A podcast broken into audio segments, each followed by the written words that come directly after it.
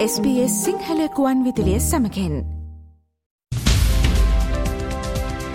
මවබිමින් පුවත් ඔස්ට්‍රේලියාවේ අද උදැස්ස නවද විට ශ්‍ර ලංකාවෙන් වාර්තාාවන ප්‍රධානතම පුවත් කිහිපය මෙන්න. අද සැත්තැම්බර් මාසය විසි දෙවනිදා මෞබිමෙන් පුවත් විශේෂාන්ගේෙන් ඊයේ දිනේ ශ්‍රී ලංකාවේ සිදුවෙන් පිළිබඳව දැන් අවධානයොමු කරන්න අපි සූදානම්. පාස්කුවිරිදා ත්‍රස්ත ප්‍රහාරය සහ වර්තමාන ජාතික ආරක්ෂාව සම්බන්ධයෙන් කල් තැබීමේ විවාදය ඊයේ දිනේ සහ අද දිනේ පාර්ලිමේන්තුවේ පැවැත්වෙනවා. එතකොට කතානායකවරයාගේ ප්‍රධානත්වයෙන් ඊයේ දිනේත් පාර්ලිමේන්තුව රැස්වුණු අවස්ථාවේදී පාස්කුවිරිදා ත්‍රස්ත ප්‍රහාරය ගැන ජනාධිපති කොමිෂන් සභාවේ වාර්තාවේ අඩංගු රහස්‍ය සාක්ෂි සටහන් ඇතුළත් ලිපිලේඛන පිළිබඳව යම් ප්‍රකාශයක් කතානායකවරයා පාර්ලිමේන්තුව ආරම්භයේ සිද්ධ කරා මහජනතාවට මේ සියලු තොරතුරු ලබා දෙන්න නොහැකි බවයි කතානායකවරයා සඳහන් කරේ මන්ත්‍රීවරුන්ගේ පරිශීලනය සඳහා එය යොමු කිරීමට කටයුතු කරපු බවත් කතානායකවරයා සඳහන් කරා. එතුමා පාර්ලිමේන්තුවේ සභාව ආරම්භයේදී විවාදයට පෙර මෙන්න මෙවැනි ප්‍රකාශයක් තමයි සිද්ධ කළේ. විස්සයි විසි දෙකයි තුනයි තුන්වන දිනති ජනාධිපති ලේකම්වරයාගේ ලිපිය අනුව එම සාක්ෂි සටහන් වල වෙළුම දෙක දෙක දෙක තුන හි අඩංගු රහසිගත සාක්ෂිද ඇතුළත් ඉහත දෙක එක සිට දෙක පහ දක්වා වූ සම්පූර්ණ වෙළුම් ඇතුළත් කරමින් සංස්කරණය කළ නොහැකි ආකාරයේ රීඩ් ඔන්ලි සකස් කරන ලද සංයුක්ත තැටිය කම්පැක්ට් ඩිස්ක් හයක් බාර දෙන ලද අතර එහි ඇතුළත් දෙක දෙක සහ දෙක තුන වෙළුම් පාර්ලිමේන්තු මහලේකම්වරයාගේ අධීක්ෂණය යටතේ පාර්ලිමේන්තු මන්ත්‍රීවරයන්ගේ පරිශීලනය සඳහා පමණක් ලෙසට වූ ජනාධිපති ලේකම්වරයාගේ උපදෙස් වලට යටත් එම සංයුක්ත තැටි පුස්තකාලයේ තබා මන්ත්‍රීවරයන්ගේ පරිශීලනයට අවස්ථාව සලසා දෙන ලදී. ජනාධිපති ලේකම්වරයා විසින් ඔහුගේ 20යි 22යි 3යි 3 වන දින සහ 20යි 22යි 3යි 14 වෙනි දින ලිපිය මගින් මා වෙත දැනුම් දී තිබූ පරිදි අදාළ සාක්ෂිකරුවන්ගේ අනන්‍යතාවය ආරක්ෂා කිරීම සඳහා එම රහසිගත සාක්ෂි සටහන් ඇතුළත් තොරතුරු මහජනතාව වෙත විවෘත කිරීමට නොහැකි බවත් පාර්ලිමේන්තු මහලේකම්ගේ අධීක්ෂණය යටතේ පාර්ලිමේන්තු මන්ත්‍රීවරයන්ගේ පරිශීලනය සඳහා පමණක්ම භාවිතා කළ යුතු බවත් 20යි 23යි 9යි 12 වැනි දිනති ලිපිය මගින්ද ජනාධිපති ලේකම්වරයා විසින් නැවතත් අවධාරණය කර ඇති බව එම ගරු සභාවට දැන්වනු කැමැත්තෙමි. ඉන් අනතුරුව පාර්ලිමේන්තු විවාදයේ පැවැත්වෙද්දී විවිධාකාරයෙන් මන්ත්‍රීවරුන් මන්ත්‍රීවරුන් අතර චෝදනා හුවමාරු වෙනවා දක්නට ලැබුණේ අතරින් කැපී පෙනුනේ පාර්ලිමේන්තු මන්ත්‍රී ෆීල් මාර්ෂල් සරත් ෆොන්සේකා මැතිතුමා සහ හිටපු ජනාධිපති මෛත්‍රීපාල සිරිසේන මැතිතුමා අතර සිදු වුණු වාදය. මුලින්ම කතානායකවරයා ඉදිරියේ සරත් ෆොන්සේකා පාර්ලිමේන්තු මන්ත්‍රීවරයා සඳහන් කරා මෛත්‍රීපාල සිරිසේන හිටපු ජනාධිපතිවරයා පාස්කු ප්‍රහාර එල්ල වෙන වෙලාවේ ශ්‍රී ලංකාවේ නොසිටීම ඉන්දියාවේදී සලේ මුණ ගැහෙන්නත් යම් ඉඩක් තිබුණු බව සරත් ෆොන්සේකා පාර්ලිමේන්තු මන්ත්‍රීවරයා මෛත්‍රීපාල සිරිසේන හිටපු ජනාධිපතිවරයා ඉදිරියේ චෝදනා කරමින් අදහස් පළ කළා. අප්‍රේල් 4 වෙනිදා ලැබුණ තොරතුරු අනුව මේකට ක්‍රියාත්මක වෙන්න බෑ කවදාවත් සාමාන්‍යයෙන් පොලිස්පතිට හරි ආරක්ෂක ලේකම්ට හරි. මේකට ගත යුතු පියවර ඊටාම බාරදූර පියවර. මෙවැනි ප්‍රහාරයක් වළක්වන්න නම් අනිවාර්යයෙන්ම පොලිස් ඇඳිරි නීතිය හරි දාලා මාර්ග බාධක දාලා ඒ ස්ථාන වලට එන ජනතාව පරීක්ෂා කරලා විශාල මෙහෙයුමක් කරන්න ඕනේ. එහෙම මෙහෙයුමක් කරන්න නම් අනිවාර්යයෙන් මේ තීරණය ආරක්ෂක කවුන්සලයේදී ගන්න ඕනේ. නමුත් ආරක්ෂක කවුන්සලයේ පාත්තමු නැති හින්දා මේවැනි පියවරක් ගන්න මෙහෙයුමක් කරන්න අවශ්‍ය අවසර උපදෙස් ලබා ගැනීමේ හැකියාව ඒ අදාළ නිලධාරීන්ට නැති වුණා. මෛත්‍රීපාල සිරිසේන අප්‍රේල් 21කට පෙර රටෙන් ඉන්දියාවට පැනලා යන්න ගියා. දවස් 4කට ඉස්සෙල්ලා. එතනින් පැනලා ගිහලා ටික දවසක් ඉඳලා එතනින් සිංගප්පූරුවට පැනලා. ත්‍රස්තවාදී ප්‍රහාරය එන දවසේ සිංගප්පූරුවේ හිටියා. මොකද මොහු ඉන්දියාවේ හිටපු කාලේ මට 10000ක් විශ්වාසයි අනිවාර්යයෙන්ම සැලේ හම්බෙන්නේ නැහැ. ෆීල්ඩ් මාර්ෂල් සරත් ෆොන්සේකා පාර්ලිමේන්තු මන්ත්‍රීවරයා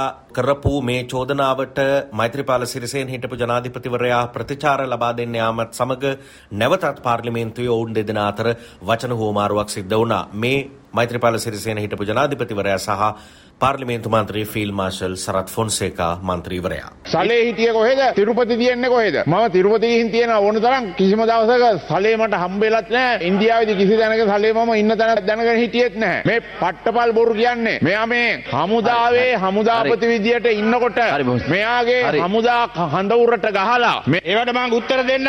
මේ පිස්සා හැමදාම ඔය කතාව කියනවා. මේ හමුදා කඳුරට ගහපු කතාව. මේ පුද්ගලයා හිතන් ඉන්නේ යුද හමුදා මූලස්ථානයේ යුද හමුදාපති කියන්නේ ආරක්ෂක මුරේ බාරව ඉන්න කියලා. දැන් වල්ගේ පෑගිලා කෑ ගහනවා. මෙයාට කට පියාගෙන ඉන්න කියන්නේ. ඉන්න අනතුරුවත් අවස්ථා කිහිපයකදී සරත් ෆොන්සේකා මන්ත්‍රීවරයා සහ මෛත්‍රපාල සිරිසේන හිටපු ජනාධිපතිවරයා අතර පාර්ලිමේන්තුවේදී පාස්කු ප්‍රහාරයේ සිදුවීම් සම්බන්ධයෙන් දිගින් දිගටම වාද විවාද සිදුවෙනවත් අපිට දකින්න පුළුවන් කමක් ලැබුණා. හිටපු ජනාධිපති කෙනෙක්ද මේ හැසිරෙන්නේ? බලන්න පසුපෙළ මන්ත්‍රී කෙනෙක් වගේ හැසිරෙන්නේ. මෙයා සිංගප්පූරුවේ ඉන්න කාලේ 12ට ආවා ලංකාවට ගුවන් යානයක්. සිංගප්පූරුවේ පිටත් වෙලා බෝම්බේ යනකොට සිංගප්පූරුවේ වෙලා 12යි. එහෙන් හවස 3ට පිටත් වුණා. දැන් හොදට රේරත් වෙලා මොඩෙක් වගේ කෑ ගහනවා. මේ ඉන්න මහමොලකාරයා අනිවාර්යෙන් මහමොලකාරයා. ඒකන්ත තමයි මේ කෑ ගහන්න බෑ වෙලා. නිකන් දාඩිය දාගෙන බොරුවට ගිරිය කඩා ගත්තට මගේ කටින් වචන එළියට ගන්න ඕන වුණා. මෙයා අනිවාර්යෙන් මේකේ මහමොලකාරයෝ දෙන්නගෙන් එක්කෙනෙක් ගෝඨාභය එක්කෙනෙක් මෙයා. කරුණා කරලා මට වචනයක් කතා කරන්න දෙන්න. නෑ ඔබතුමා ඔබතුමා මයික් එක ඉල්ලන්න.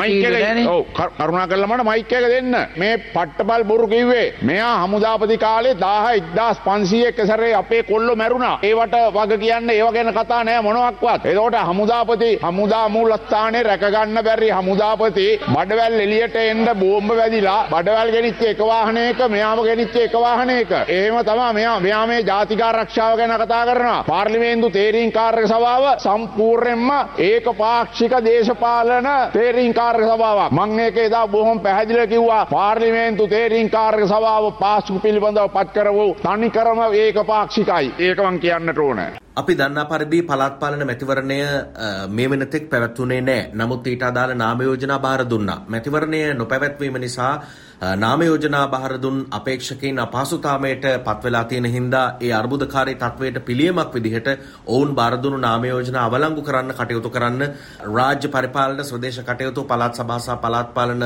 අමාත්‍යාංශයේ උපදේශක කාරක සභාවේදී ඒකමතිකව තීරණය කරලා තියෙනවා. එහෙම එකග වුණු පරිදි මේ උපදේශක කාරක සභාව පළාත් පාලන මැතිවරණය සඳහා බාර දුන්නු නාම යෝජනා අවලංගු කරන්න ඒකමතික තීරණයක් අරගෙන තියෙනවා. ශ්‍රී ලංකා නිදහස් පක්ෂයේ මහලේකම් දුරෙන් ඩයසිරි ජයසේකර පාර්ලිමේන්තු මන්ත්‍රීවරයා ඉවත් කිරීමත් සමග ඔහු අධිකරණමය ක්‍රියාමාර්ග අරගත්තා. ඒ අනුව ඊයේ දවසේ ඔහු ඉදිරිපත් කරපු පැමිණිල්ලක් සලකා බලපු අධිකරණය ඔක්තෝබර් 5 වෙනිදා වෙනකන් වාරණ නියෝගයක් නිකුත් කරා. ඒ ඩයසිරි ජයසේකර මන්ත්‍රීවරයාට නිදහසට කරුණු විමසලා ශ්‍රී ලංකා නිදහස් පක්ෂයේ සභාපතිවරයා නිකුත් කරලා තියෙන ලිපියට තමයි මේ වාරණ නියෝගය නිකුත් කරේ.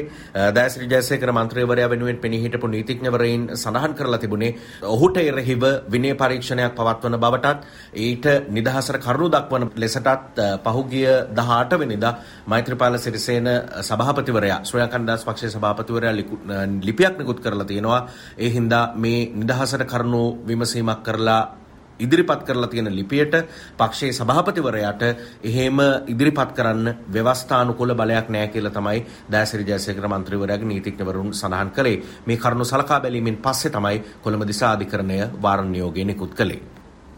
එක්සත් ජාතීන්ගේ මහමණ්ඩලයේ 78 වන සැසිවාරයට රනිල් වික්‍රමසිංහ ජනාධිපතිවරයා සහභාගී වුණා. ඒ වගේම ඊයේ රාත්‍රියේ ශ්‍රී ලංකා වේලාවෙන් මෙම සැසිවාරය ජනාධිපතිවරයා අමතන්නත් කටයුතු කරා. ඒත් එක්කම ජාත්‍යන්තර මූල්‍ය අරමුදලේ කළමනාකාර අධ්‍යක්ෂවරියත් එතුමා මුණ ගැහිලා තිබුණා. මේ එක්සත් ජාතීන්ගේ මූලස්ථානයේ පැවැත්වුණු සංවර්ධනය සඳහා මූල්‍යකරණය පිළිබඳ ඉහළ පෙළේ සංවාදයක ප්‍රධාන දේශනයක් සිද්ධ කරන්නත් ජනාධිපතිවරයා සහභාගී වුණා. එහිදී ඔහු අදහස් පළ කළා තිබුණා කිසිවෙකු අත් නොහැරෙන ලෝකයක් වෙනුවෙන් තිරසර සංවර්ධන ඉලක්කකරණය සඳහා මූල්‍යකරණය කියන තේමාව යටතේ එතුමා අදහස් පළ කළා තිබුණා. රටවල් රැසක රාජ්‍ය නායකයෝ, පෞද්ගලික අංශයේ, සිවිල් සමාජයේ, ජාත්‍යන්තර මූල්‍ය ආයතන නියෝජිතයින් මේ වගේ පිරිසකුත් මේ අවස්ථාවට එක් වෙලා තිබුණා.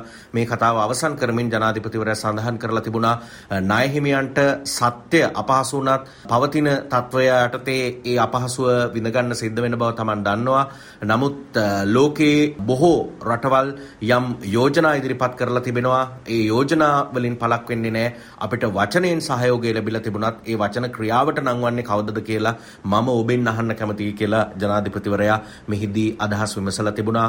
බොහෝ දෙනෙක් වාචිකතව යම් ඉදිරිපත් වීම් සිද්ධ කරත් ප්‍රායෝගිකව ලබා දෙන සහයෝගය ලබා නොදීම පිළිබඳවයි මේ අදහස් දැක්වීම සිද්ධ කරලා තිබුණේ.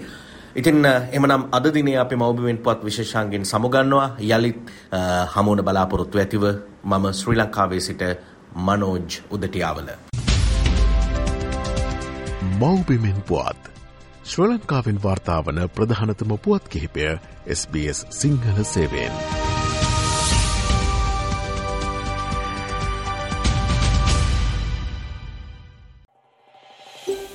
මේ වගේ තවත්තොරතුරු දැනගන්න කැමතිද. එහමනම් Apple podcast Google podcast Spotify ඔබගේ පොඩ්කාස්ට ලබාගන්න ඕනෑම මාතයකින් අපට සවන්දය හැකේ.